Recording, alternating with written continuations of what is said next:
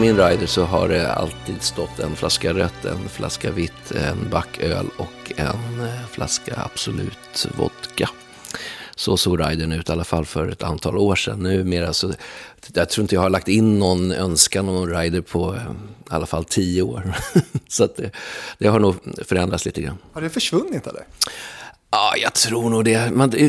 Dessutom så turnerar man inte riktigt på samma sätt som man gjorde förr. Det är liksom... eh, Eller, Diggiloo.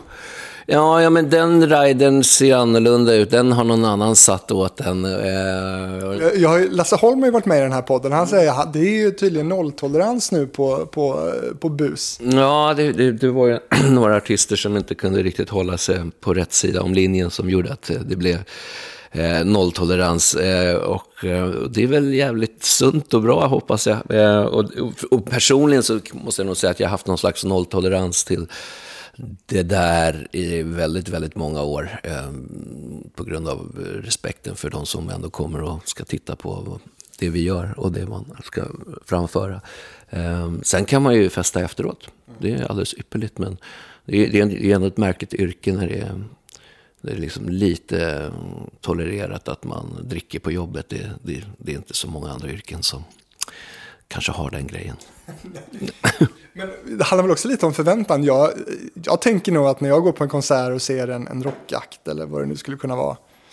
Eh, du, du, Alltså jag förväntar mig nästan att artisterna har, har tagit någon bira eller något innan. Jo, men det, ja, fan en bira, det är väl en sak. Men liksom att, att folk kommer ut och liksom inte kan leverera sin show och sådär. Det tycker jag man ser mindre och mindre av. Jag menar, nu börjar man ju själv gå på konserter på, eh, i början på 80-talet och såg det mesta som kom till Stockholm och såg nog rätt många svajiga spelningar från rätt många artister som man hade rätt stor respekt för. Men idag så är det nog mer snarare att skivbolagen skickar eh, sina artister till eh, PTs och till olika träningsstudios och så har program för dem liksom, så att de, när de väl ska ut på vägarna så ska de vara så fitta och slimma som möjligt.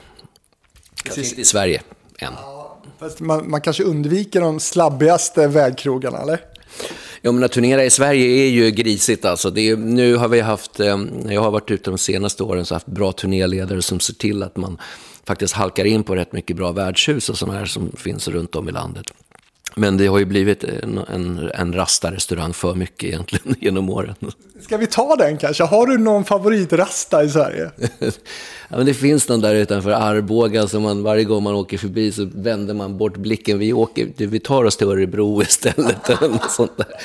Så att, nej, men usch, vägmat. Den har inte blivit så himla mycket bättre. Det är ju definitivt mycket mer angenämt att turnera ute i Europa. Där finns det ju mycket större, eh, vad säger man, eh, där räcker det med att sladda in på en bensinmack så har du oftast en bra focaccia eller någonting. Eh, Pappa Di berättade även han i den här podden att, att Frankrike ska tydligen vara bra att turnera i. Frankrike är väldigt trevligt. Är det, det, det, är, det är ju inte bara trevligt att turnera i. Det stor, I största allmänhet är det väldigt trevligt att befinna sig i Frankrike i och med att vi har haft hus i, i Sydfrankrike tidigare, eller svärmor. Ehm, nej, Frankrike, det är ett härligt land och där har jag fått chansen att jobba rätt mycket också. Andreas Jonsson, välkommen till Hitfabriken. Tack så mycket!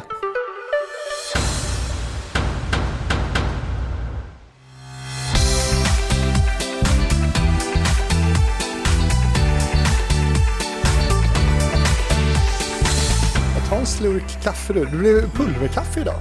Eh, pulverkaffe, det är en budget. Men vad trevligt, vi sitter hemma hos dig här på, på Mariatorget i Stockholm. Mm, här bor vi och har bott eh, väl i, eh, eller runt omkring Mariatorget i 13-14 år tror jag. Och sen hade jag ju långt tidigare än så, i början på 90-talet, så bodde jag också i de här kvarteren. Eh, först när jag flyttade, kom in till stan och flyttade in till stan från Huddinge där jag växte upp så eh, hamnade jag här hos en polare på soffan eh, uppe på Krukmakargatan. Så de här kvarteren har varit eh, som hemmaplan i många, många år. Vill du säga någonting om det? Men, men jag tyckte att det var lite häftigt det här med att ni har ett generationsboende här. Ja, men, så, det blev så. Vi eh, bor nämligen med min svärmor, eller min frus mamma då, som ja. det blir, eh, sedan 8-9 år tillbaka. Eh, och, det, och, det, går bra? Ja, men det går bra och det var också chansen att kunna förvärva den här lägenheten som vi har, för den, den är hyfsat stor eh, och vi fick chansen och det är hyresrätt, så det blev så att vi eh, bytte hennes lägenhet och vår gamla lägenhet eh, mot den här. Mm. Och då bor du mitt i centrala Stockholm, här jättefint läge och idag så har vi en fantastisk dag. Vi tittar ut på, på solsken över Mariatorget här. Jag gissar att du som rocker inte tillhör dem som, som eh, håller på och klagar och kastar ut alla krog, eller klubbar i, i stan här. Nej, det, det är verkligen inte, utan jag ser bara med, med skräck tycker jag från att ha sett och växt upp i den här stan och växt upp med att spela på alla konstiga ställen som har funnits här genom åren. Eh, både de här gamla svartklubbarna ute i, i Hammarby, ja nu som är Hammarby sjöstad, men som var någonting helt annat för 25 år sedan. Lugnet. Lugnet, exakt. Eh, och sen alla klubbar som fanns runt omkring, eh, Kaos i Gamla stan och sedermera Studion på Sankt Eriksplan, Gino och så vidare och så vidare. Och, och jag som var en del, eller när vi började, en del av hårdrockscenen då på 80-talet och mitten på 80-talet, då fanns det också en massa så Cool Cat på Strömsborg och, och de här klubbarna ute i Lugnet och så vidare. Nu finns det ju knappt någonting kvar här i innerstan och det, det är lite tråkigt måste man ju säga. Och Kolningsborg är borta. Kolingsborg har jämnat med marken. Där har man också hängt och, och giggat och sådär. Så, så det, det, är klart. Men nu är inte jag någon jättenostalgiker utan jag är rätt pragmatiskt lagd och ser att saker förändras. Och mycket förändras ju också till det bättre. Men jag tänker mer på eh, att jag är så himla glad att jag växte upp i en tid när det fanns en, en scen att stå på. Så att man fick vara med och lära sig. Det var ju väldigt mycket learning by doing. För att när vi började ute i Huddinge när jag var jag startade väl första bandet när vi var 13 då. Då fanns ju alla fritidsgårdar, så då spelade man ju på de här Huddinge Nöjet som det hette och eh, Snättringe, Utsälje och alla Skogås fritidsgårdar. Eh, och vi var ju sjukt kassa på att lira liksom. Men vi, vi liksom, det var game day någon dag i veckan. Då skulle vi spela, då skulle vi leva upp och vi, vi jobbade vecka efter vecka för att bli lite bättre på att spela och på att skriva låtar. Och så där höll vi på och fick hålla på. Och sen så fick man första gigget inne i stan på någon klubb. Och då såg man ju till att alla polare kom dit, för det var ju det största som hade hänt i ens liv. Och sen så fick man något nytt gig och man gjorde någon ny demotejp och någon såg en på något ställe. Så där var ju liksom, vi höll ju på nästan tio års tid. Från vi var 13 tills vi var, ja, vi var 22, 23. Eh, och då var vi ungefär samma killar som hade hållit på, vi som var lite ratade från hockeylaget. Sådär. Vilka, vilka var mer med i det där gänget då? Ja, några, det, några man vet? Nej, men det var ju det som blev Planet Waves, som blev, mitt, eller som blev det bandet som jag skivdebuterade med 95, ja, 25 år sedan då helt enkelt. Eh, och, och då, ja, det, 94? Ja, 94 var det inte, ja, jo, jo vi, vi släppte vår första singel 94, så, men jag tror att ah, vi och Kent släppte våra debutalbum. Kan Brainpool också ha släppt sitt möjligtvis samma vår, om det var våren 95? Eh, men i alla fall, vi hade hållit på och, och nött och blivit bättre och, och bättre och bättre och bättre. Och, men det var ju bara genom liksom, att vi gav oss fan på, ska vi bli bra så måste vi göra det här på riktigt. Och vi repade och repade och repade och repade och blev, blev jävligt bra band till slut. Och fick det här skivkontraktet med EMI då på den tiden. Och, Stort ju det var hur stort som helst. Liksom. Och jag vet inte om kidsen idag fattar hur stort det är att få ett skivkontrakt, för nu kan man ju ge ut sin musik, men det var ju liksom som att komma igenom nålsögat på något sätt. Att, wow, nu har vi gjort det, nu, nu är vi på väg. Liksom. Eh, det var inte riktigt hela sanningen för resten av jobbet var ju kvar. Men vi hade i alla fall satt igång någonting och, och i alla fall resten av gänget håller ju på med musik fortfarande på olika sätt som låtskrivare och, och som musiker. fast vi gjorde ju bara en skiva och jag blev lite ofrivilligt eh, soloartist och jag har alltid tyckt personligen bättre om band än vad jag tyckte om soloartister. Men har du spelat någonting i, i källan på huset här? För det, där ligger det väl någon ställe? Du, du nämnde det, ja. någon soulklubb? Ja, nej, men det var ju, då när jag bodde här på 90-talet så var det jävligt ruffigt på Mariatorget. Det, var, det kallades ju för Marianatorget och det var, det var igen, rätt mycket igenväxt och sådär. Det, det var rätt mycket suspekta typer. Och krogarna som låg här då, det var ju, som, det var ju innan Benny Anderssons intåg och rivalhotell, utan det var ju Aston och det var Lilla Maria här nere i källaren som var en bluesklubb. Och, och där hängde vi rätt mycket för, ja, dels för att vi lyssnade på musik, eh, men de hade också sjukt billig öl. som man då uppskattade när man var i 20-årsåldern. Men det var, var någon gayklubb som låg där också nu va? Ja, den fick ju tyvärr klappa igen här bara för ja, några månader sedan. Så var den sista.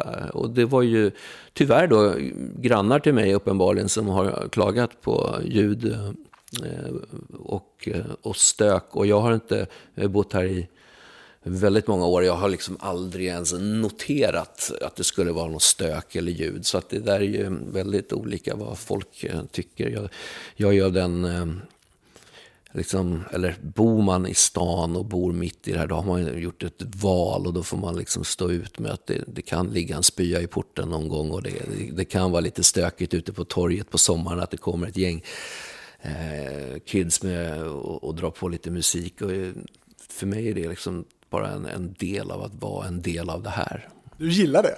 Ja, jag gillar det. Jag har alltid gillat, liksom, jag, jag liksom lite, älskar ju liksom att vara ute i skogen och plocka svamp och vara ute och fiska som en stor hobby. Men liksom, det är någon slags blandning mellan cityslyngel och skogsmulle, som däremellan lever man. Eh, mitt första minne av dig, det handlar nog om, eh, jag jobbade en del med ZTV i slutet av 90-talet mm. eh, och då spelade ju vi mycket Andreas Jonsson i, i kanalen naturligtvis. Eh, och sen så tror jag också att du var med i ett inslag när jag jobbade på ett eh, ungdomsprogram på SVT som heter Tigermuren, då du var ute och fiskade med Åsa Avdik också. Just det, det kommer jag ihåg. Ja, det var ett tag sedan nu. Ja. ja. Och jag kommer ihåg att vi tyckte att det liksom var en sån rolig kontrast det här med, med den stora pop-Andreas eh, kontra det otroliga lugnet just som är när man fiskar. Ja, men det, jag har alltid funnit liksom, den kontrasten. Jag vet när jag började liksom ordentligt skriva låtar så eh, vi, hade, eller vi har haft i väldigt många år hus uppe i Hälsingland, i Järvsö där mamma kommer ifrån. Och då åkte jag väldigt ofta upp dit och så satte jag mig nere i en gammal tvättstuga och, och skrev låtar. Och sen gick jag därifrån, tog fiskespöet och gick ner till, till Ljusnan och, och, fiskade. Och sen gick jag tillbaka och fortsatte och höll på sådär någon vecka. Så kom man hem med en bunt låtar liksom. Har du någon kontakt med, med kören där uppe i Järvsö som du vann körslaget med 2011? Eh, ja, alltså, jo, men man har ju sociala mediekontakt givetvis. Man följer ju alla och eh, en del av dem har ju flyttat ner till Stockholm eh, och sådär. Men det var ju en det otroligt häftig resa att få göra. Det, det satt rätt långt inne innan jag tackade ja, för jag visste riktigt inte vad det var för tv-program. jag hade inte följt det innan. Liksom. Eh, men när vi väl sparkade igång då och jag insåg att helt plötsligt, oj, jag hade två stycken i den här kören som jag är släkt med. Så, som det kan vara. Som du legat med? ja, det, det hade varit... Nej, det, nej, faktiskt inte. Det var ju uh, inte på det viset alls. Men, uh, men det blev en sån otrolig uppslutning kring, uh, kring den här kören i, i Järvsö. Och, och sen gick det ju bra. Vi, vi gick ju hela vägen och, och vann det. Och, jag kommer ihåg, det här var ju under vår, en vår då, det måste vara 2010, 2011 kanske det var.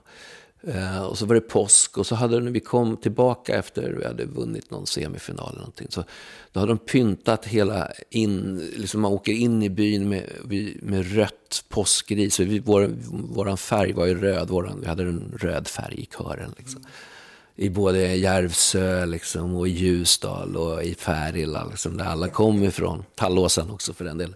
Eh, nej, men så det var otroligt häftigt. Så man, man blev, eh, man, även fast man liksom har känt sina hälsingerötter starkt så blev det här verkligen en, en period i livet där man liksom cementerade dem i sin, sitt hjärta. Men nu ska vi ta oss en bit från, från Järvsö, för i år så är det alltså 20 år sedan som din världshit, Glorious, eh, klev in på Englandslistan och toppade den. Eh, men redan innan det så hade du släppt musik, vi var inne på det redan. Du släppte ju då 94 hävdar jag, möjligen 95 då med, med Planet Waves och 97 då Cotton Fish Tales. Eh, albumet som ju lät lite som eh, albumet som du släppte Glorious på 99. Men var var du någonstans där innan det blev Glorious? Jag, vi hade gjort den här Cotton Fish Tales-plattan. Johan Lindström producerade den, hans första produktion. Eh, eh, och den var ju väldigt mycket eh, en kärlekshistorias uppgång och fall. Det var ju mer som en dagbok över mitt förhållande jag hade gått igenom där. När vi träffas och allting i himlastormande. Så de där låtarna släppte, kom ju liksom av sig självt. Det blev ju som en, ja, en, en dagbok. Liksom. Och, och vi var ute och turnerade lite grann på den plattan och sådär. Men den flög ju inte på det sättet. Den fick rätt mycket fina recensioner, både i Sverige och en del utomlands. Men någonstans i den där brytperioden, nu pratar vi 97, 98, där, eh, eh, tänker, den scenen som var i Stockholm, eller som var i Sverige, men framförallt Stockholm, det var ju, det var ju Skånegatan och Hannas krog och det här, och alla de här indiepopbanden, Popsicle och This Perfect Day och så vidare. Rätt mycket shoegazerband som står och tittar ner i backen och lirar indiepop. Inget fel på det, utan jag gillar ju det själv, men jag kände liksom att jag ville dels göra, för mig var det så här att göra en kontrast från Cotton Fishtails-plattan var rätt träig, den var alltså medvetet lite mer country-influerad, mycket stilgitarr och stora stråkar. Och, och jag ville göra någonting som, som skulle göra någonting, någon förbannad, någonting som blev lite större och som vågade ta för sig. För att alltid gör det någon arg, tänkte jag. Liksom. Eh, och sen har jag alltid varit, jag, jag gillat filmmusik, älskar liksom Gudfadern, Ennio Morricone och liksom eh, jag ville göra min egen Bond-låt, tror jag, jag hade i mitt huvud. Eh, göra någonting så här som jag inte hade gjort tidigare. Och sen kom... Glorious var bland de första låtarna som, som jag skrev till den skivan. Liksom. Och då satte det väl en ton för hela plattan, även fast det finns rätt mycket countryinslag i den plattan också, i Liebling som den heter.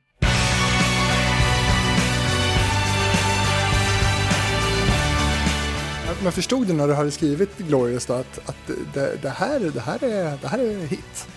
Alltså, ja, jag, jag, den, jag, under den här perioden så bodde jag i en lägenhet i Högdalen eh, där jag inte hade några tvättmöjligheter för jag hade inte fått någon nyckel till tvättstugan. Så jag tog min gamla hockeytrunk någon gång i månaden och så åkte jag ner till mamma och pappa till huset liksom, och, och tvättade mina kläder. Och då i den här tvättstugan som mamma och pappa hade så hade jag alltid med mig gitarren. Där, där satt jag liksom och började skriva låtar liksom till ljudet av den här tvättmaskinen och, och torktumlaren. För där nere i källaren fick jag vara själv och det var ingen som hörde vad jag, vad jag höll på med. Och där kom den till. Och jag kommer ihåg så otroligt väl att jag temat, själva refrängen, eh, refrängslingan kom upp och jag vevade de här ackorden om och om och om igen. Och sen var jag så här, shit, jag vet att jag måste komma ut ur den här Nästa ackord jag tar kommer vara helt crucial för var låten hamnar. Alltså, det vill säga, var går jag in på versen någonstans? Och så landar den på den här fiss och sen halvton upp som gjorde att det blev nästan lite orientaliskt. Och sen pang tillbaka på refrängen igen.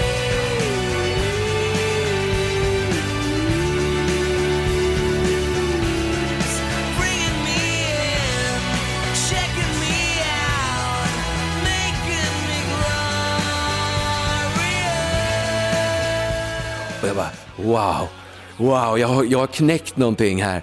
Liksom, eh, som jag inte har gjort förut. Jag har inte en brygga, jag går direkt från vers rakt in i refräng. Och jag kommer ihåg att det, det första jag tänkte var att den här den falsettgrejen måste jag ju sätta ett ord på, så det blev väldigt snabbt chi, för att den, den är lätt att sjunga i falsett. Och andra tanken var att den här ska lindas in med stråkar. Så redan där hade jag idén liksom för hur, den här produktionen, liksom, att jag ville ha någonting och att det skulle vara liksom tuggande gitarrer i botten men stråkarna skulle ligga ovanpå. Eh, och då gjorde jag min och, och, sen så dök det upp att jag också hade ett brytackord. Det, blev, det är ett E-ackord som kommer in som är dur i det här lite molliga som gör att det bryter upp i refrängen och den dyker upp lite random sådär, så att folk har fortfarande svårt att förstå när det ska komma. Sådär. Måste lyssna på låten ordentligt. Och det gjorde också att låten öppnade upp sig och då kände jag shit, jag, jag, har någonting, jag är någonting på spåren.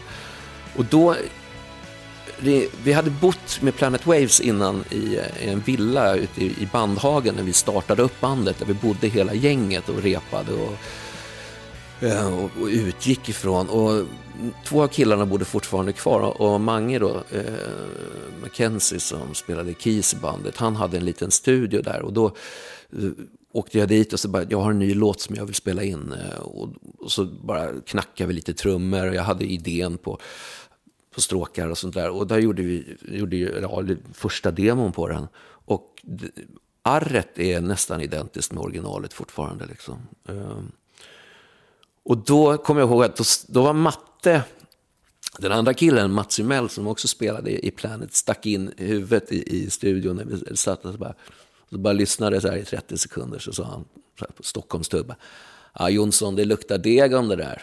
Alltså deg då, för den som inte är insatt i det, betyder ju pengar. Liksom. Så där fick jag min första indikation på att äh, vänta, det, här kanske, det här kanske är något. Men jag var mer så här, jag hade ju skrivit så jäkla långa texter på mina första två plattor, både på Planet Waves och på Cotton Fish Tales som var ju liksom så berättande, målande texter. Och här stod jag med en låt som bara hade åtta textrader. Det var det kortaste jag hade skrivit någonsin. Så jag tänkte, och vad handlar den här låten om? Och den är ju väldigt enkel egentligen, för det handlar om att egentligen bli eh, så här, knockad, ivägsvept av no någonting som kommer in. Så det är ju en väldigt lustfylld känsla.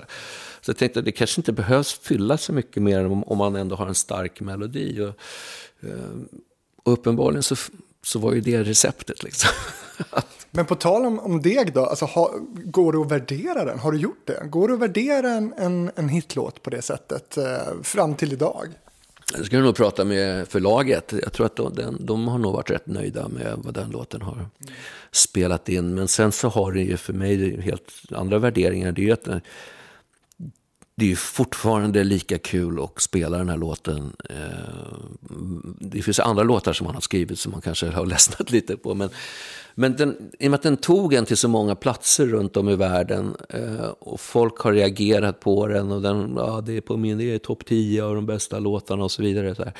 så har den ju kommit att betyda så mycket på så många olika plan. Inte liksom bara att ja, det har varit en, en försörjning, liksom, utan det den har liksom det har ju blivit att den har ju på något sätt definierat vem jag är och min musikkarriär och vad jag än kommer göra i framtiden, så, eller vad jag har gjort sedan dess. Så landar det alltid någonstans på, på Glorious. Ja, nej men det gör, och jag, idag kan jag förlikas mycket mer med det än vad jag kanske gjorde de här tre, fyra åren efter det hade varit en jättehit. Liksom. Då vill man ju bara ah, bli, bli av med det där spöket. Ska vi verkligen spela den ikväll? så här, det där, men du vet.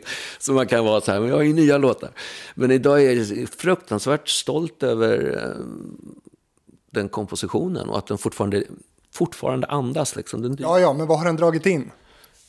Mycket. Ja. ja. okay. Nej, men jag kan inte säga... Vet inte. Nej, jag vet inte, men den har ju onekligen... Eh, jag brukar säga så att min, min, min, fru är stolt för den har betalat för landet, den har betalat för bilar, den har betalat för våra dyra katter och så vidare. och så vidare Med lite glimten i ögat. Nej, men det, det, det har ju varit en grundbult i min ekonomi ja, i 20 års tid. Det är ju häftigt att det kan bli så. Ja, och hör du den fortfarande liksom om du är så här, är det, har du suttit i en taxi i London och hört den nyligen? Liksom? Ja, nej men absolut. Vi är ju rätt mycket, jag trivs ju att vara i Frankrike till exempel. Och där rullar den ju på fortfarande. Det känns som någon gammal så här Phil Collins-låt som bara dyker upp hela tiden. Och, och, och Glorious har på något sätt blivit en sån. Alltid. Så in the air tonight liksom, eller Glorious. Men, så att det, jo, det, nej men det är ball och det var en mäktig resa vi gjorde med det när, när det hände. För det hände ju ingenting i Sverige från början. I april 99 när det släpptes så var det ju tvärdött. Eh, studentradion. Och så var det något lite smalare P3-program tror jag som höll i det. Um, och vi, då hade vi inte gjort någon, vi, vi var ute på en turné Eh, som ZTV var arrangör för, som hette ZTV Rockar. som vi snabbt döpte om till ZTV Rockar inte. För det kom inte en käft. Det var, det var jag, eh, och så var det Anna Stadling med band och så var det ett eh, indieband från Lund som hette Third Dimension. Och då mitt i allt det här så tänkte man, så, vad, vad, vad kommer hända liksom? Och vi hade ett album som skulle släppas i augusti. Och så sköt vi en, en video då i Göteborg i maj-juni någon gång. Eh, som blev, alltså videon till Glorious. Och när den väl blev klar jag kommer ihåg, jag har ett så bra minne från, apropå det här med när, när, det inte kommer hända. Jag har haft fest hos mamma och pappa, det är sommar, sommaren 99 då, eh, ute i villan, liksom, de var bortresta, går och städar dagen efter. Så kommer det här Sommartoppen, som det hette en gång i tiden. Ja. Det här mentometer, folk sitter med mentometerknappar och trycker så får de rösta in låtar på topplistan. Klirr, drrr, och så, ja. ja, och där och så går jag dammsuger, så har jag på i bakgrunden, så hör jag att, de ska testa, att Gloria ska testas. Och jag bara, oj. Och, så, och, och till min stora glädje så kommer den in på en så här blygsam sjunde eller åttonde plats. Och så dagen efter så cyklar jag ner till OK-macken där ute i Huddinge, köper Aftonbladet, klipper ut, för då, då, på den tiden så skrev de ut topplistorna liksom, och, och Sommartoppen var en av dem. Klipper ut den här och kommer ihåg att jag tänkte, ja men ah, det blev ju, all, det blev ju någonting i alla fall.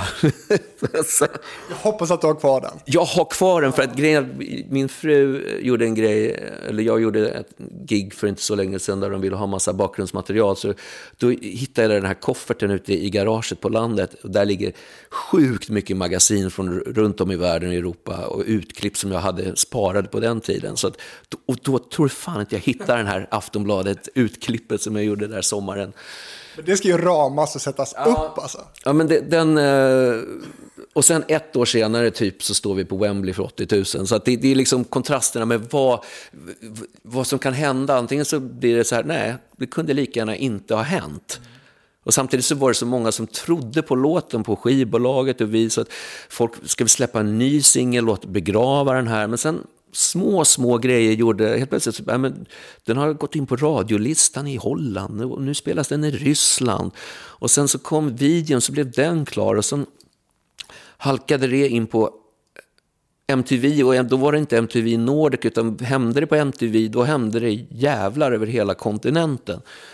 Men sen fick jag ju höra andra stories också. Att jag vet att, och det här har inte jag pratat med, med Martin om, eller Max Martin, men eh, han, det här säger storyn, fick jag berätta för mig, att han hade hört låten på P3 och sen så ringer han upp och får ta på Järmud Stenhag, som är ju fortfarande musikförläggare där och frågar vad det är för någonting och får reda på att det är, ja, det är svenskt och, och eh, det är Warner som har släppt det och att han stövlar in på Warner eh, och ber att få singeln. Och sen personligen, jag, menar, jag hade ju sprungit på Martin i olika, i och med att han också var en del av den här hårdrockscenen på 80-talet. Liksom, så, men vi kände inte varandra. Eh, och att han började ringa upp till radiostationen och säga att det här måste ni spela. Det här är alldeles för bra.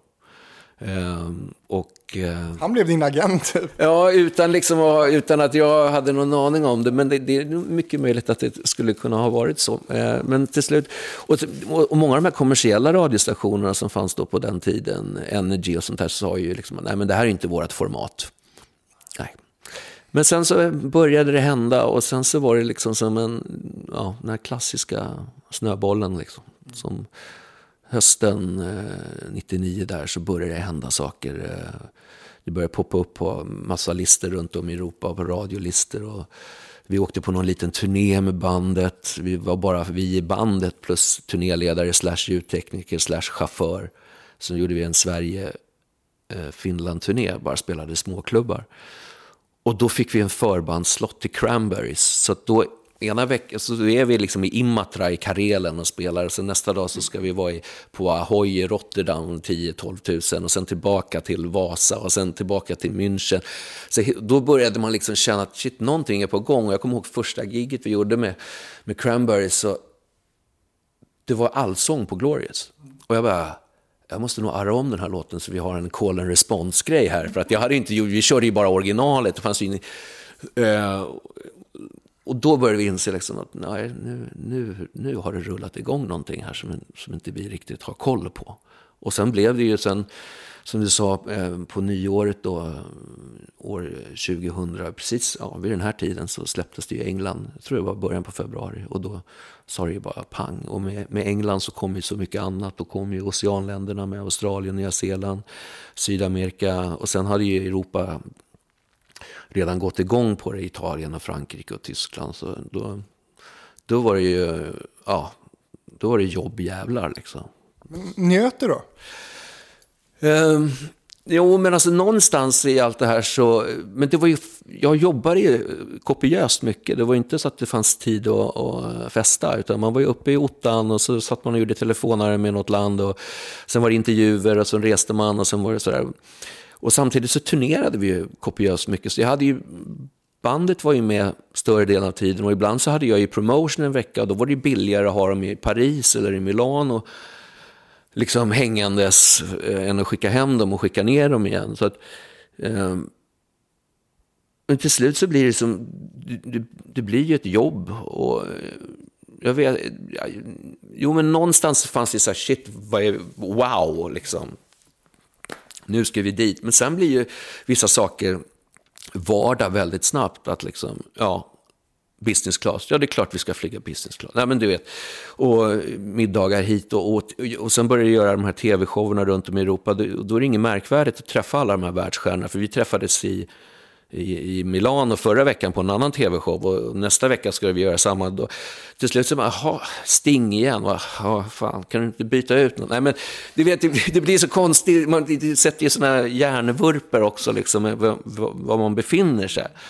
Och det var ju nog först några år efter hela den här karusellen, när man liksom, eller började se det med lite andra ögon, så man fattar shit vad man har varit med om grejer och vilka människor man har fått turnera med och, och arenor man har varit på. Det var ju allt det man önskade när man stod i den där replokalen på fritidsgården i Huddinge. Liksom. Eh, men just då så, mitt i det så så var det liksom svårt att få något grepp om allt. Liksom. Mm. Och sen blir det så här, när hjulen snurrar så där, du, du är ju en arbetsgivare helt plötsligt. Den där lilla minibussen vi åkte omkring med i Finland har blivit en dubbeldäckare.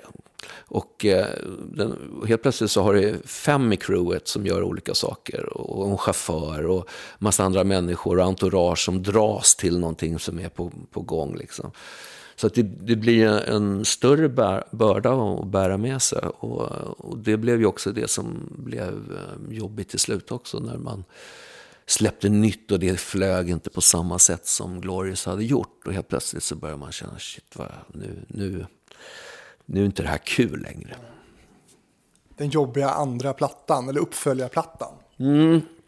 Ja, men det var ju så. Vi jobbade ju med en platta samtidigt som vi var ute och turnerade. Vi spelade in i, i London rätt mycket.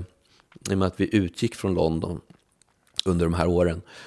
Uh, och, och då liksom efter två år med, med Liebling och Glorious, men, men vad fan. Vi stod ju precis på dörren till USA och hade eh, management i Los Angeles. Och det var ju så här, antingen så flyttar du hit och så gör vi den här resan ordentligt en gång till. Men då var man ju så här, äh, men jag orkar inte med det här. Jag har ju en ny platta, jag vill släppa nytt. Och så hade vi fått några hugg på någon stor tysk film som skulle ha första singeln som vi släppte från den som mm, motion track liksom. Vilken var första singeln? Det var en låt som heter Shine.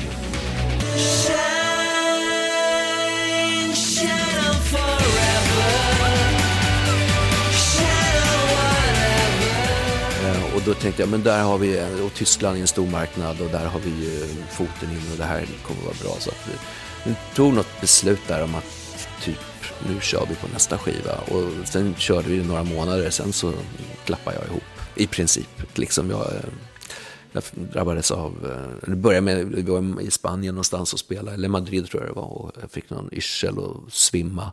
Och då, då hade jag, liksom, jag hade kört, jag hade kört mig själv i botten. Och eh, och sen så fick jag det som jag inte önskar någon, en slags panikångest. Liksom, den här känslan av att man, oj, jag kommer dö. Liksom.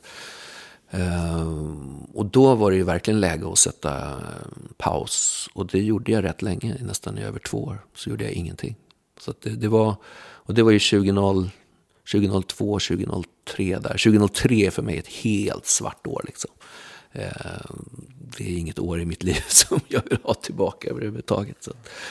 Men det var ju liksom, helt plötsligt, du vet, du hade stått där på toppen av berget och sen så känner du att du kan inte leva upp till det. Och du har inte orken själv liksom, i, i kroppen och kroppen orkar inte. Och du har en, känner bara en stor jävla besvikelse över dig själv, liksom, att du inte har nått upp dit igen.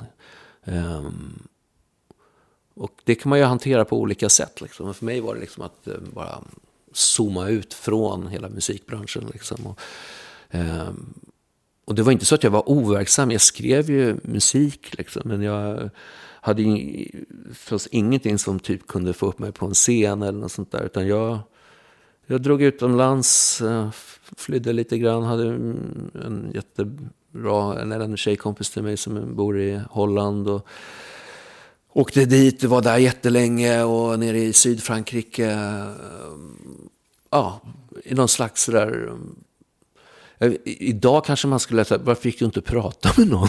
Sådär. Jag tänkte precis fråga, vad fick du för stöd? Ja, men jag hade nog inget stöd, utan för mitt, min grej var att jag mer drog mig tillbaka. Eh, och liksom, nu har jag ju liksom en familj av terapeuter kring mig, alltså, eller jag är ingift i en familj där alla är psykologer och terapeuter. Så att, det är varje dag, hur mår du? Ja, ja men, typ, men, men Egentligen? Man kanske, men det är kanske något sånt där gammalt så, här, så att jag ska reda mig själv och det här ska få verka ut. Och, och det, det gjorde ju det till slut. Men vad, vad, vad, känner du att du hade behövt lära dig för den här resan som ingen sa innan då, för, för att klara dig? Ja, men jag tycker jag var rätt, jag, menar, jag var inte direkt purung när, jag, när det small till. Det var, jag hade ju ändå gjort ett antal skivor och turnerat rätt mycket och sådär. Um, Nej, men jag kanske skulle ha lärt mig att, delegera saker i min omgivning istället för att ta på mig allt själv. Liksom, som man gärna gör liksom, när man är, är driven för någonting. Liksom. Eh, och sen finns det väl alltid ett what if i sådana här grejer. Vad hade hänt om jag hade gått på USA-spåret? Liksom? Troligtvis så hade jag inte suttit här idag, för att jag var ju redan på väg in i någon slags vägg. Och det, eh, så att, jag, jag, tror ändå, eller jag är lite så här, allting händer av en jävla orsak och det går liksom inte att titta tillbaka och säga, åh vad kunde jag ha gjort bättre, utan ja, jag fick lära mig någonting av den resan också.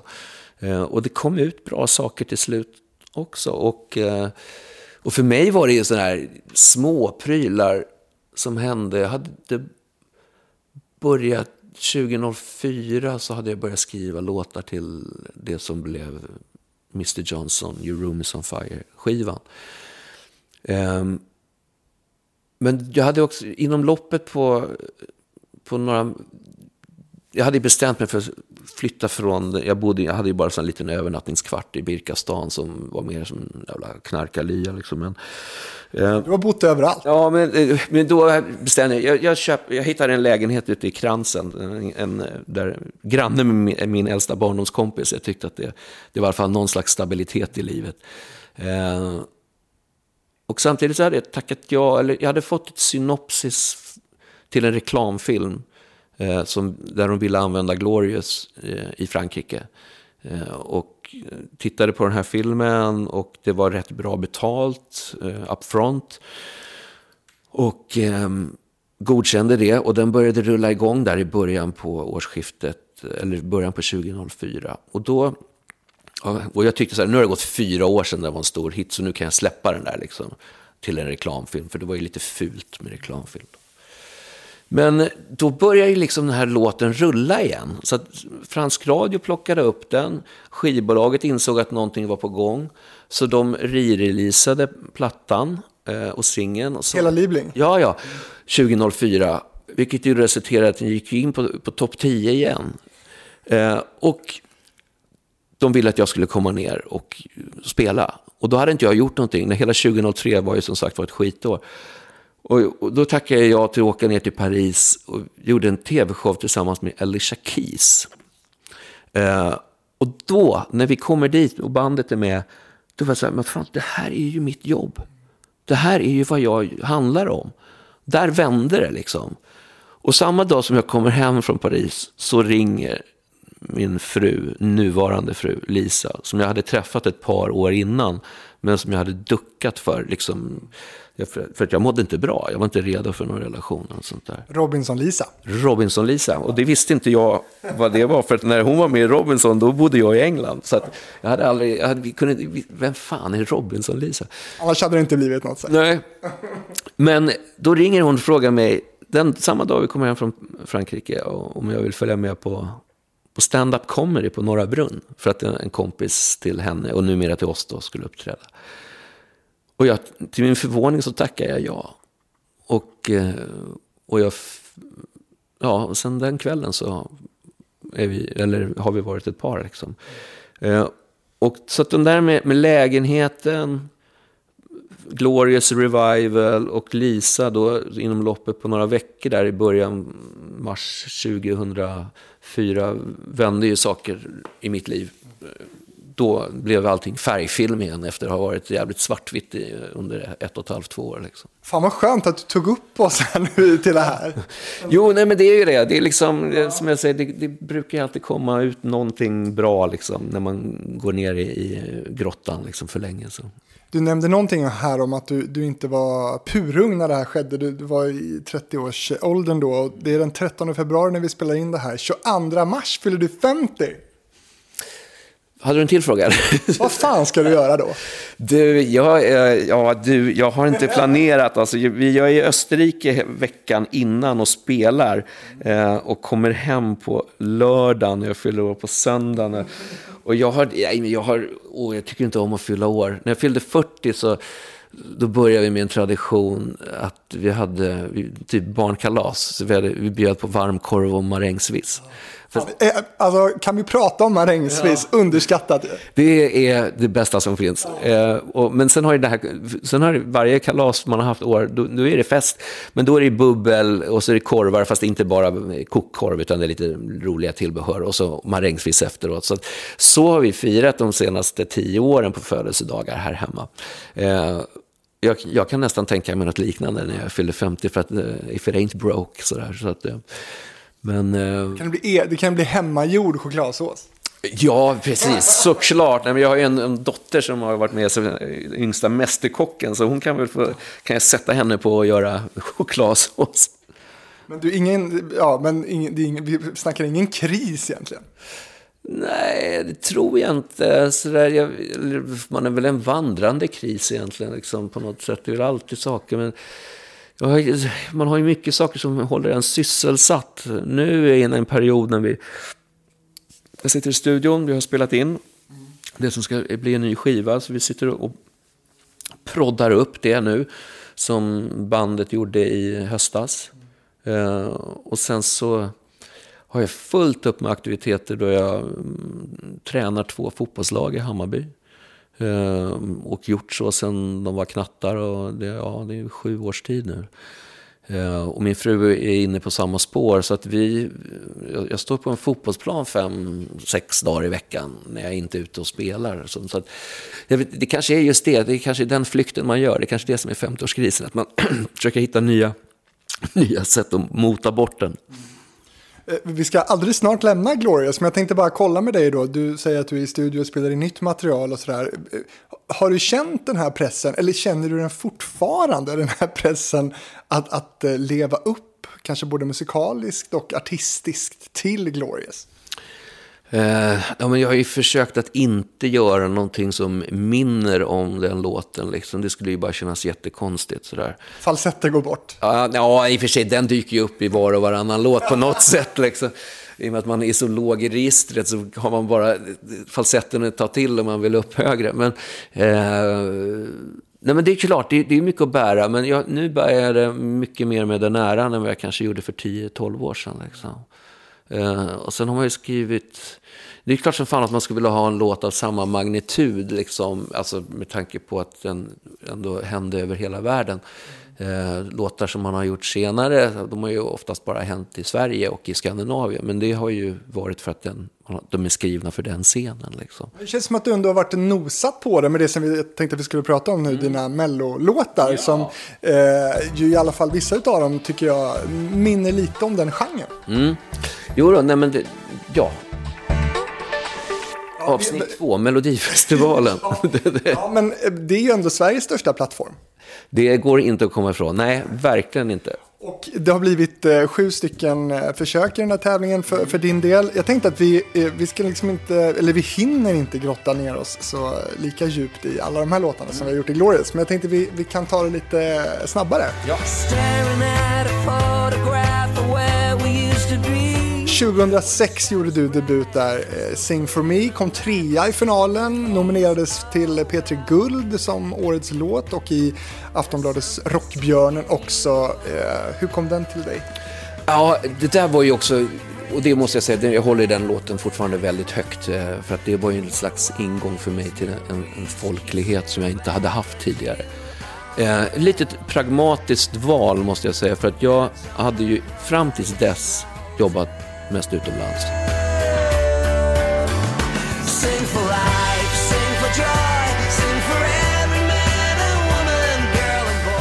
Och jag vet hösten 2005, så sen höst, så är jag i New York och jobbar med en, en låt som har släppts där som singel eh, och gör radiopromo och får ett samtal från min manager som har fått ett samtal från Christer Björkman om jag var intresserad av en jokerplats. För de hade det under några år, joker, där de bjöd in folk som vanligtvis inte, ja, från någon annan genre som kanske inte riktigt hade representerat så mycket i, i Melodifestivalen. Och då trodde jag att det var, ja men du skojar. För jag hade inte haft, alltså jag hade, jag hade klippt mina band med Mello typ vid Främling och Carola. Där var det slut. Sen var jag rocker, punkt slut. Hej då Mello. Eh, och inte för att jag hade ingen kollegor som hade skrivit låtar till det. Det var ju två, då, liksom 2006, det var som två parallella universum. Den vanliga popvärlden och sen så Skara Berts värld. Lionheart och, och Marianne Records liksom. Eh, så, och jag kommer ihåg, jag ringer hem till Peter Kvint som, jag har, eh, som har producerat mycket av det jag har gjort och, och sedermera skrivit mycket med mig också. Och jag ringer till Peter mer för att få en, liksom, en bekräftelse av att det här är ingen bra idé. Och Peter säger, ja men det låter ju lite roligt. Ska vi inte skriva någonting ihop? För att fram tills dess så hade jag skrivit mest och han producerat. Vi hade, inte gjort, vi hade gjort någon låt på varje platta, men ofta så var det liksom mina låtar han producerade. Och vi kommer hem lagom till jul sådär. Eh, och som det brukar vara så Peter ligger sjuk hemma och jag ligger sjuk hemma. Man har jobbat in i kaklet. Kommer julhelgen, pang, som ett brev på posten. Så vi börjar skriva en låt över eh, typ telefon och, och dator och sådär, håller på och får någon slags deadline av Christer som vi skjuter på hela tiden för vi är inte klara med den där låten. Och, så, och nu är vi en bra bit in i januari. Så den tar sin tid alltså? Ja, nu är vi inne 10 januari.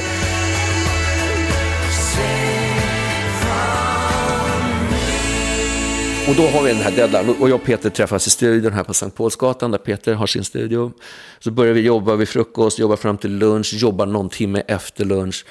Typ tittar på varandra och säger, det här är riktigt jävla dåligt.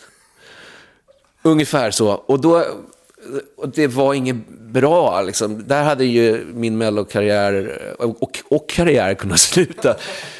Men då är så Peter så här, jag har en idé på en refräng som jag har suttit med liksom. Och jag bara, ja. Och jag har en, en vers. Och, och sen typ en timme senare så hade vi skrivit Sing for me. Med... Vi skrotade den första? Ja, det, ja, ja det, det, den är så skrotad så då anar inte. Den ligger i Nybroviken långt cementerad.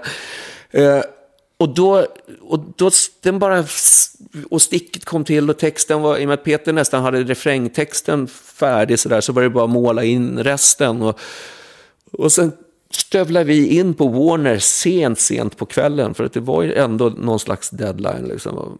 Och, och, så, och upp till Mattias som var A&R då. Ja, om han, den här Björkman nu vill ha den här låten så okej, okay, då kör vi väl.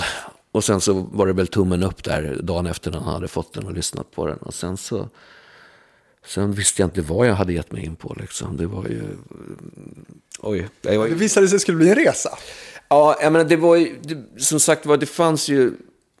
I och med att jag hade släppt en platta på hösten där, eh, Mr Johnson, Your Room on Fire. Och den, den hade inte heller flugit.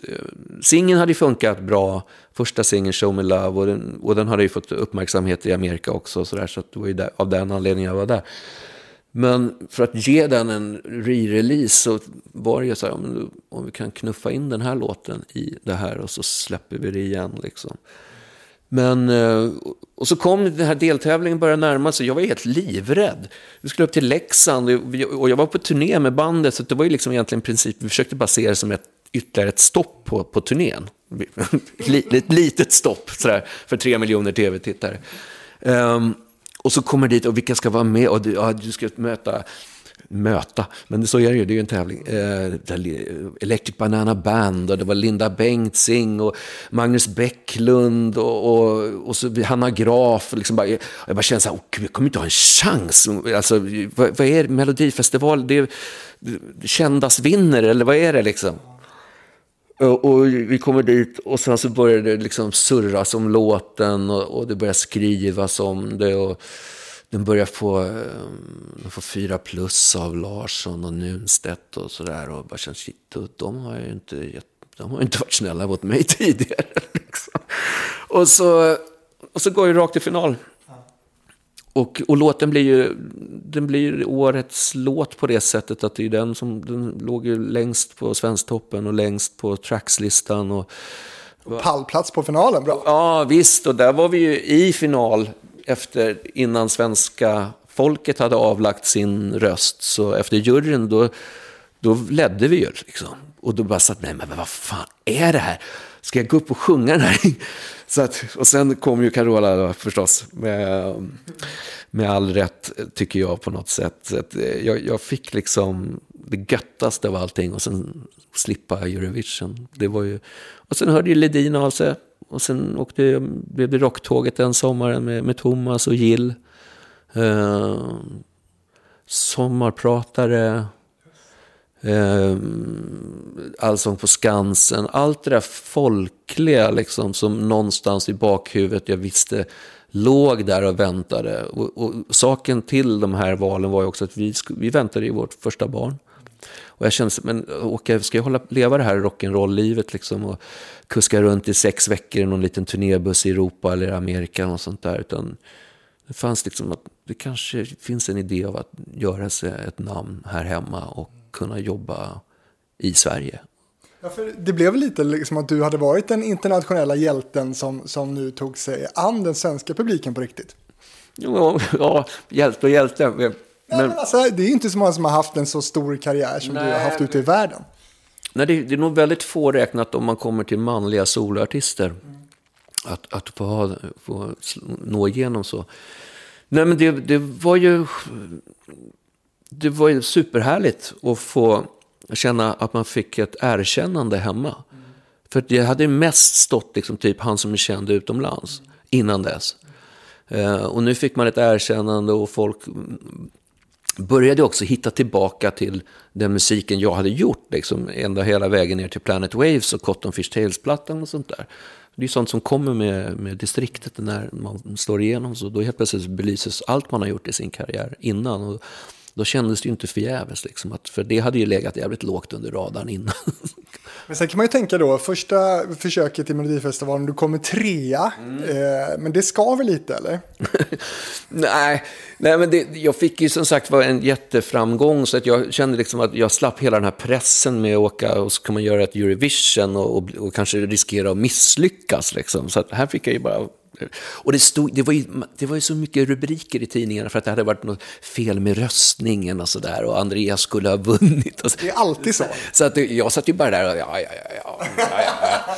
Men, eh, men, du kom tillbaka året efter i alla fall. Det var ju också så här att jag och Peter hade ju då skrivit eh, en låt, eh, Little Bit of Love. We gotta make a move, take a chance while the night is young. Eh, som jag inte hade tänkt att göra i Mello. Eh, jag hade ju sjungit in på den, dum nog. Eh, och den hade ju då kommit, det var juryn som valde den, så att den var ju med. Och Vi spelade in den med, jag tror, tre andra artister. Vilka då?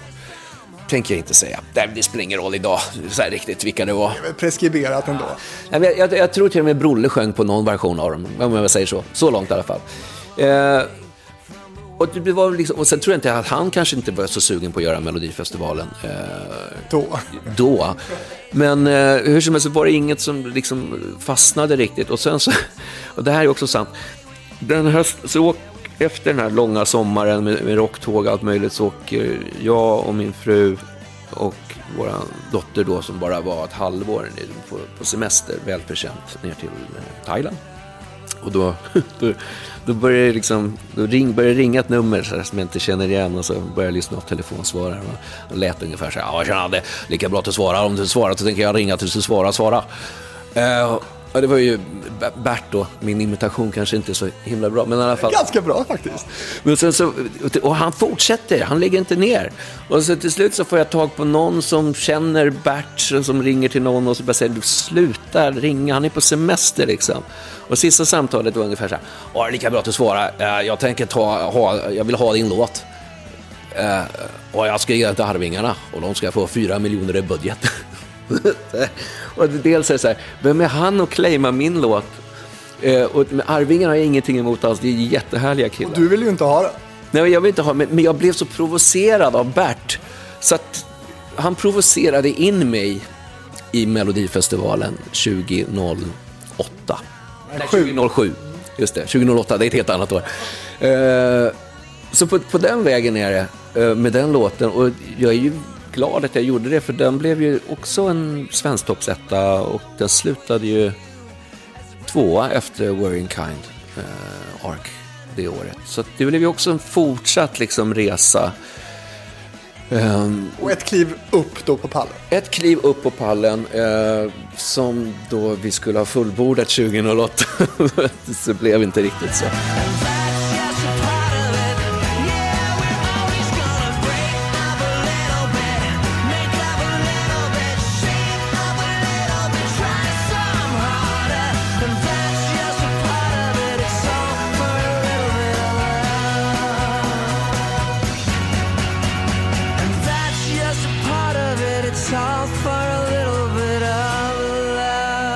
Bara lite kort om One Love då, eh, 2008, eh, där ni då, du och Carola blir utslagna i Andra chansen. Eh, den här låten One Love är ju en fantastisk låt. Ja, du, jag lyssnade på den. Jag ska nämligen upp och göra ett gig snart eh, som är lite baserat på, på, på min schlagerhistoria uppe i, i Örnsköldsvik. Eh, och då ville de att vi skulle köra One Love och jag har inte lyssnat på den på jättelänge. Så jag gick häromdagen bara i lurarna och bara Fan vad bra den här Vilket jävla ställ det är.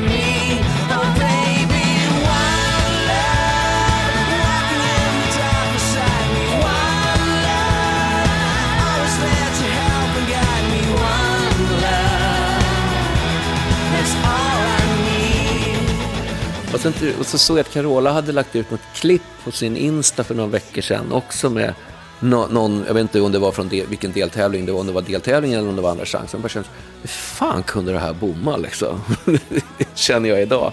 Men det, det, det var ju så mycket andra krafter kring hela vårt appearance då liksom som, som sopade undan benen liksom lite grann. Vi kan återkomma till det, men 2008 så, så blev det i alla fall ingen final med den här kanonlåten. Sen ha- har du lite paus i två år från Mello. Är du i Thailand då? Då var jag i Thailand två år.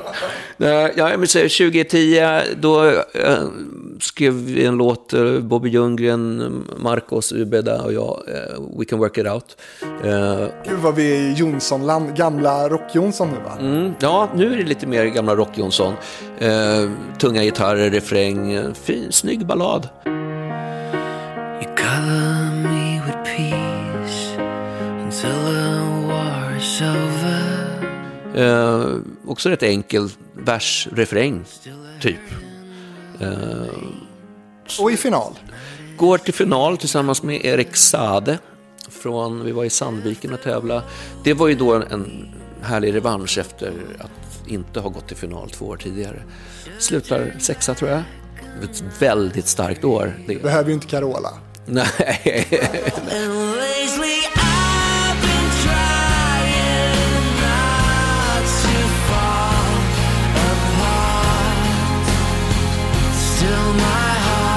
Men det var ett starkt år, kommer jag ihåg, för att det var väldigt många... Eh, Salen var ju med, gjorde med eh, Keep On Walking där, eh, Darin var med, Jöback var med i finalen, tror slutade sist. Som man brukar. Ja, eh, Jessica Andersson. Anna Bergendahl vann. Hela Diggiloo-gänget. Det är som en Diggiloo-fest totalt. Ja, nej, men Du kom sexa.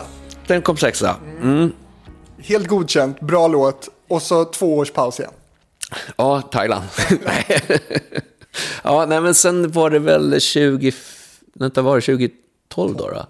Vad var det för låt då? Ja, men då heter den Love Life. Ja. Ja, ja just det.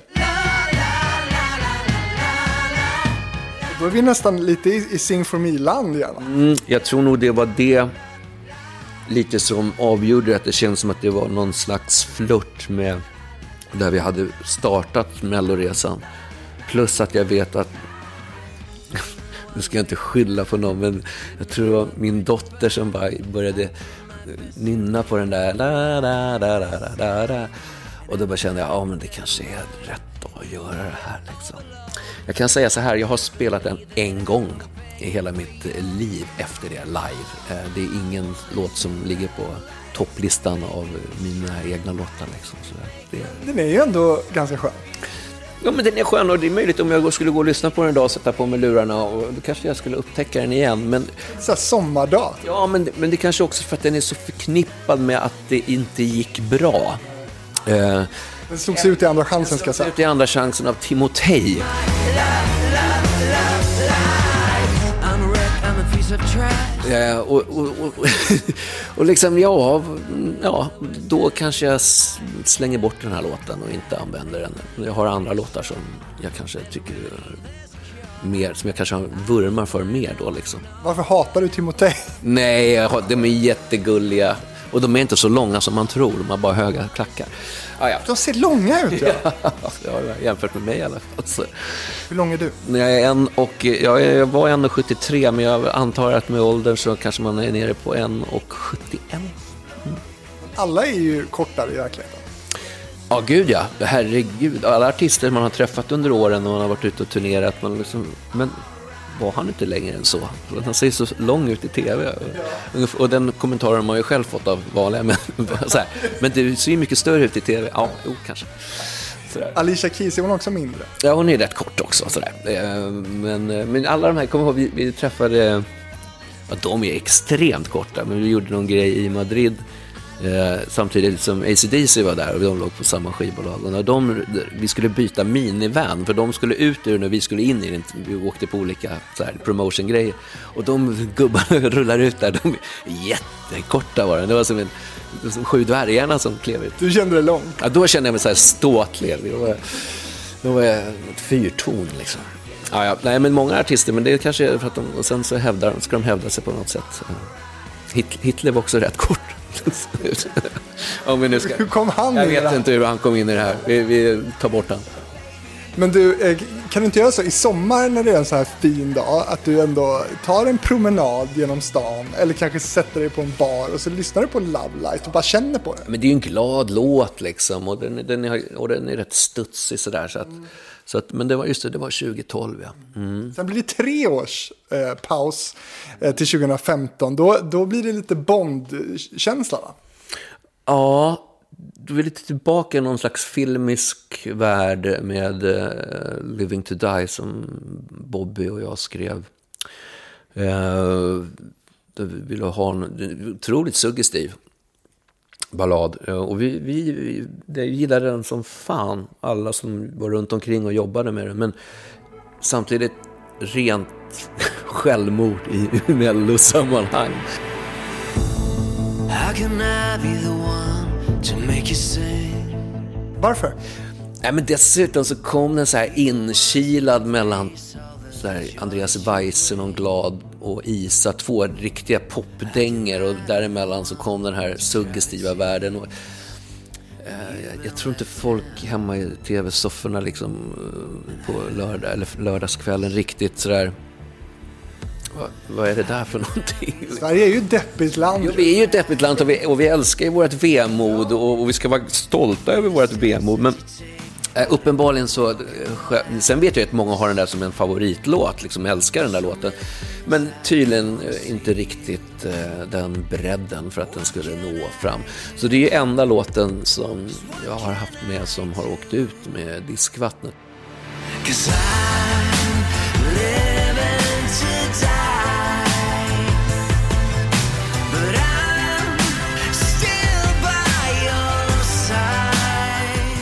Det säga, den gick inte ens till andra chansen utan jag tror att den slutade sist i sin deltävling.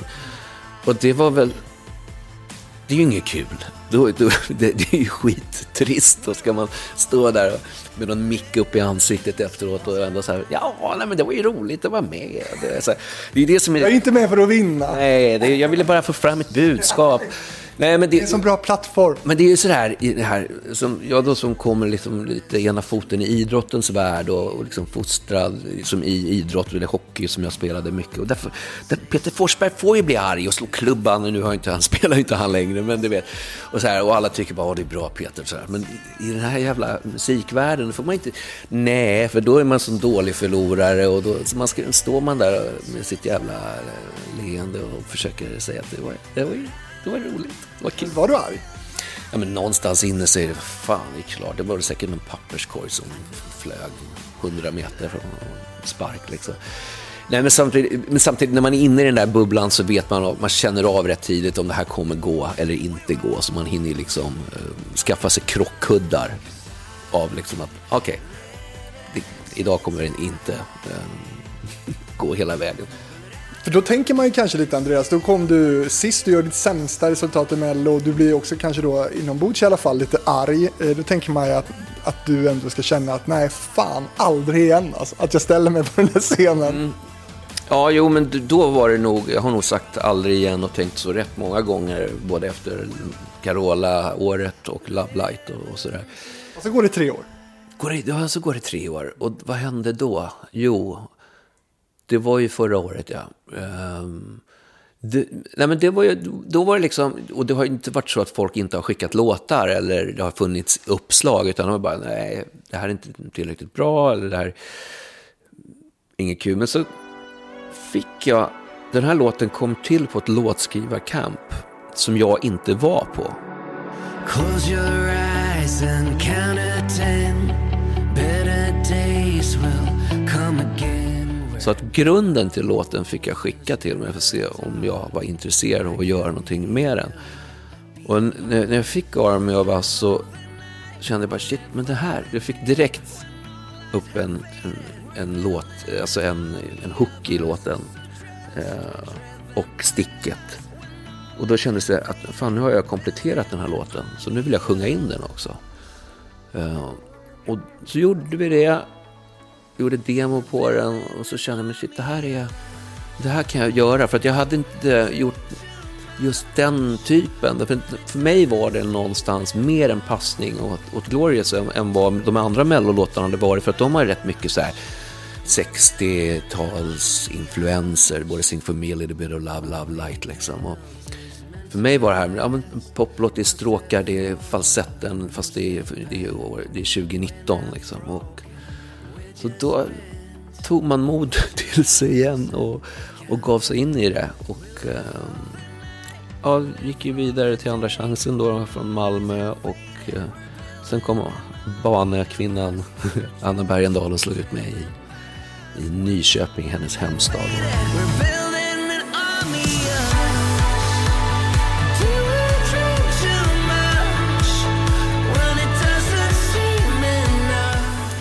Men då var det någonstans lite mission completed med den låten. För att den hade redan fått radiofäste. Och det är faktiskt efter Glorious min näst mest streamade låt om man ska gå efter sådana grejer. Jag har spelat den under hela det här året ute på turnéer och på, på diverse gig och den har funkat jättebra live. Den funkar ju bättre nu live än vad jag egentligen tycker om inspelningen. För att den har fått mer organiskt liv liksom. Man har fått bygga om, om låten lite grann. Den är ju väldigt du. Ja, men den är väldigt jag och det kände liksom, jag hade de här partierna, det finns en liksom svävande melankoli över det och det fanns någonting arenamässigt i det också. Så den, den säger man, eh, missen att inte nå final, det, den vägs upp väldigt mycket av att jag känner att jag har haft mycket nytta av låten och att den, kommer jag, den har jag kunnat addera till min repertoar på ett annat sätt än Love Light till exempel. Men nu är du klar med Mello.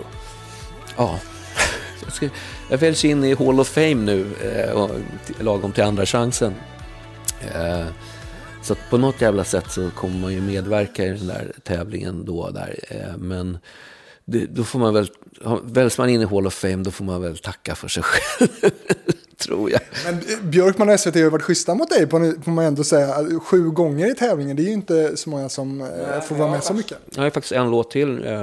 Skrev ju, jo, jag skrev ju, eller vi skrev Yohios låt 2014 va? Eh, to the end som han gick till final med.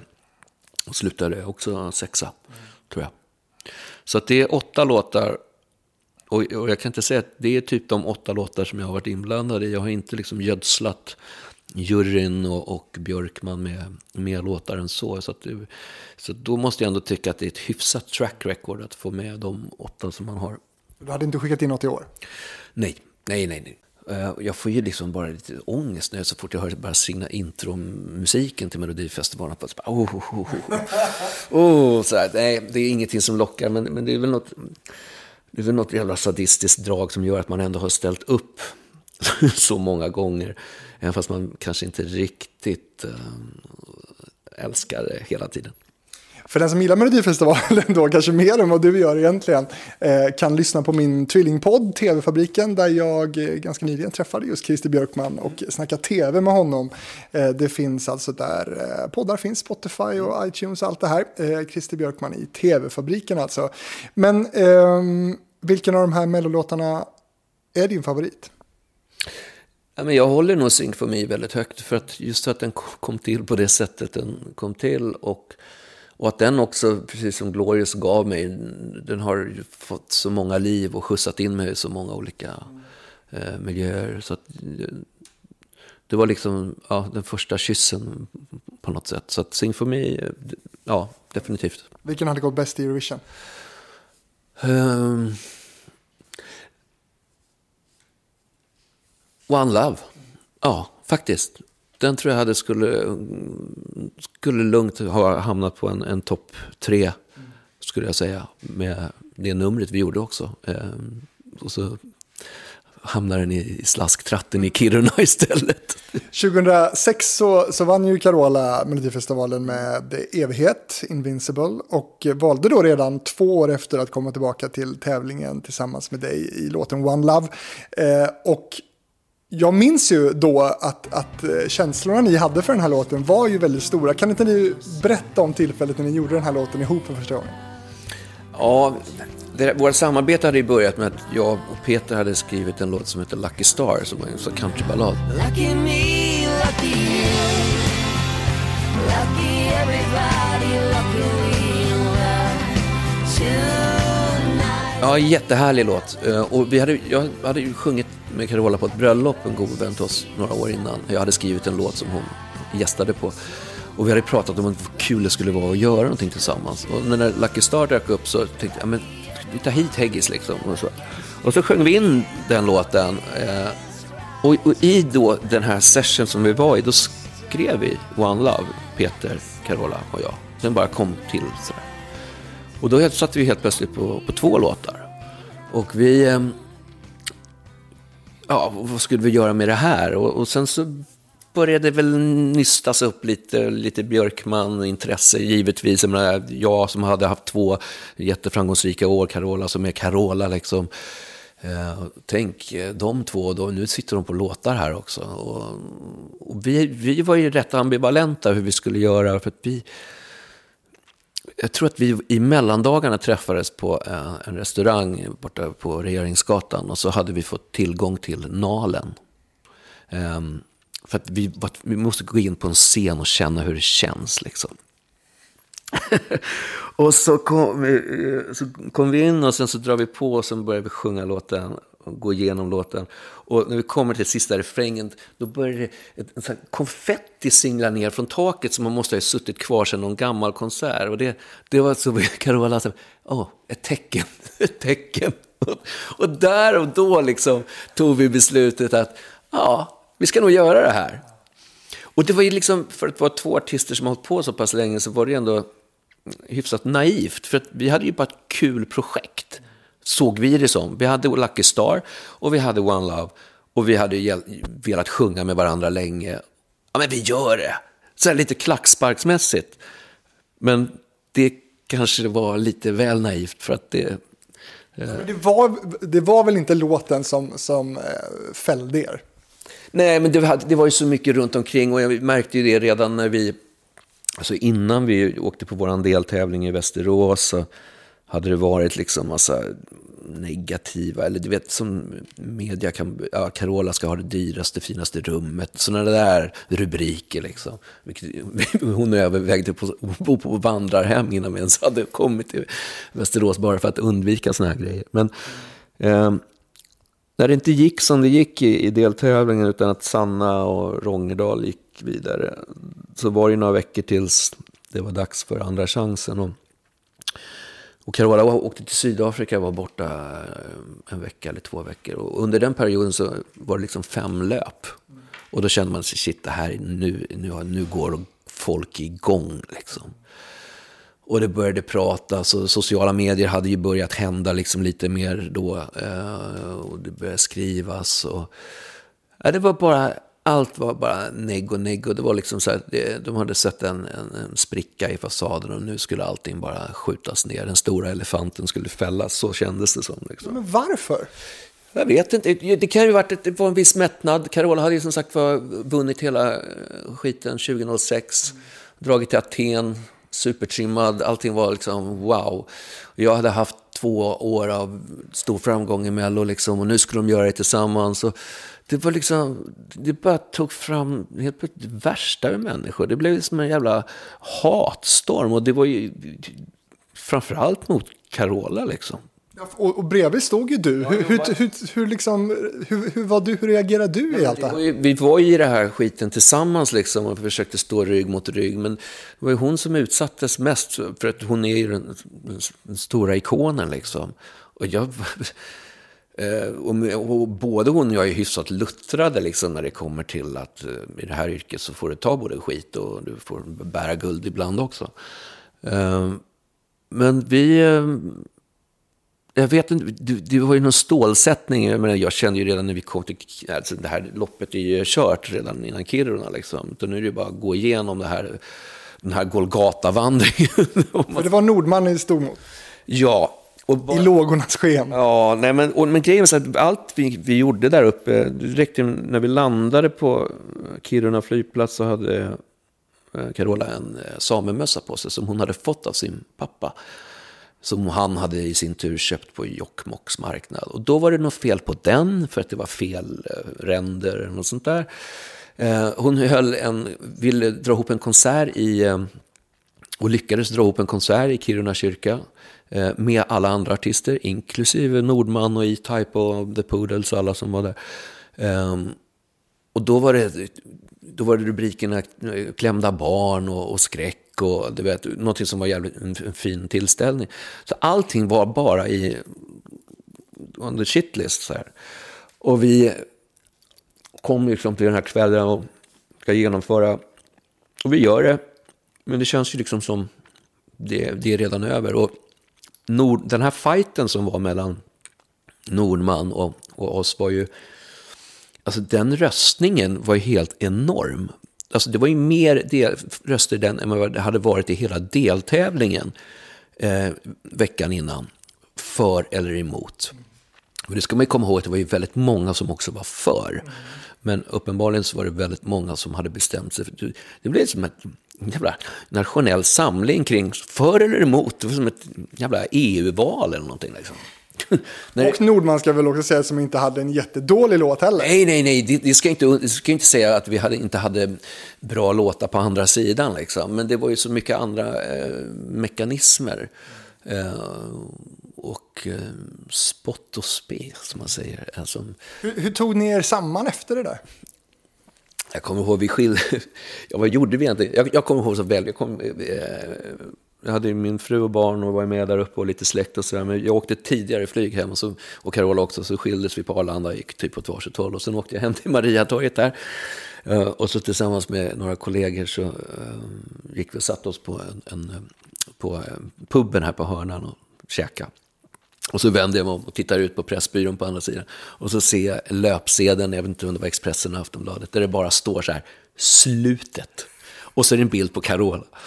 Och jag var så här, det är helt surrealistiskt, har jag varit med om det här liksom? Det så att, ehm, vi tog oss igenom det. Jag, jag vet inte, vi, vi försökte väl pusha varandra och stötta varandra och sen så är det som det är. Så...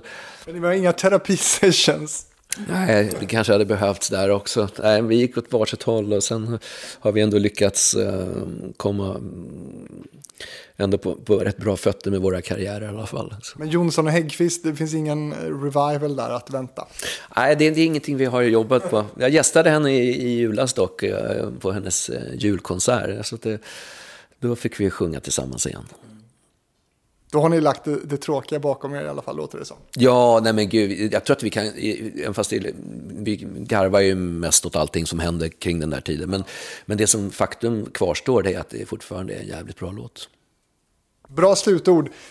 Innan vi slutar måste vi också, nu när jag har gjort research om dig så eh, tyckte jag att det var superroligt att, att hitta vad ditt företag heter. Vad heter det?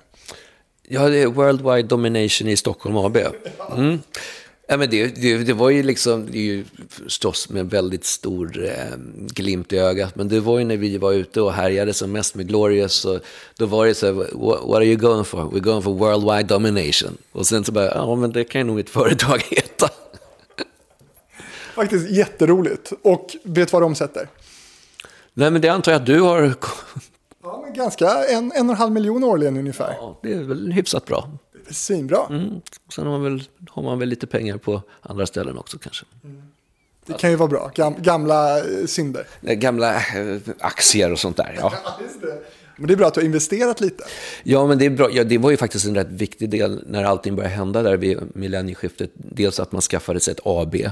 och sen så att jag satte eh, en bra förvaltare på det jag har tjänat liksom, som har haft koll på ekonomin. Så att, så att man kan kanske en dag pensionera sig. Vet du vad Bianca Ingrosso och Pernilla Wahlgren omsatte förra året? Jag vågar inte ens tänka på det.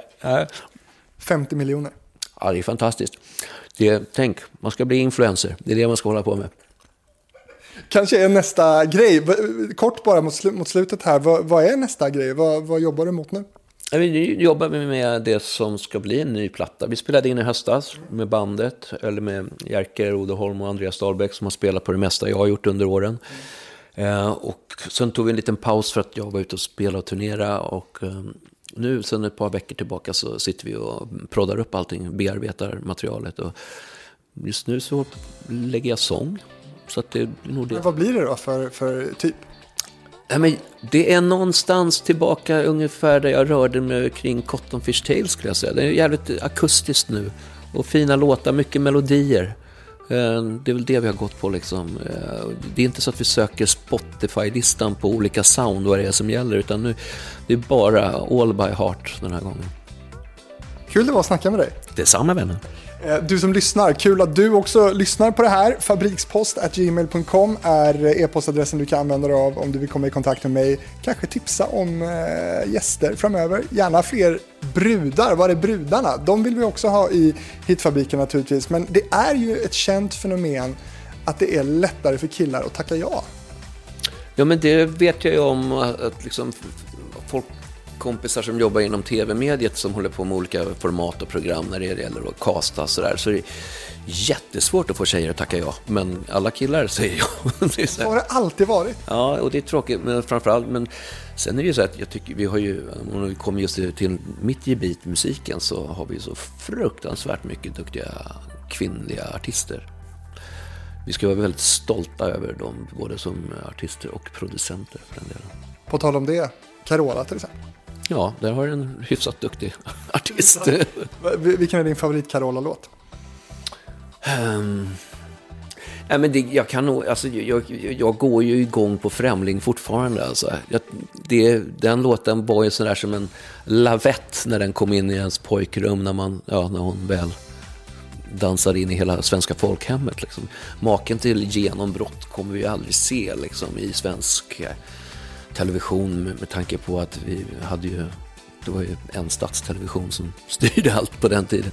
Ja, det kanske skulle vara Björn Gustafsson genombrott i Melodifestivalen också efter det. Men Carolas, eh, det är, det är episkt. Så att den låten har ju givetvis eh, eh, många, många undertoner. Vad gammal du är. Nej, jag skojar! Jag skojar.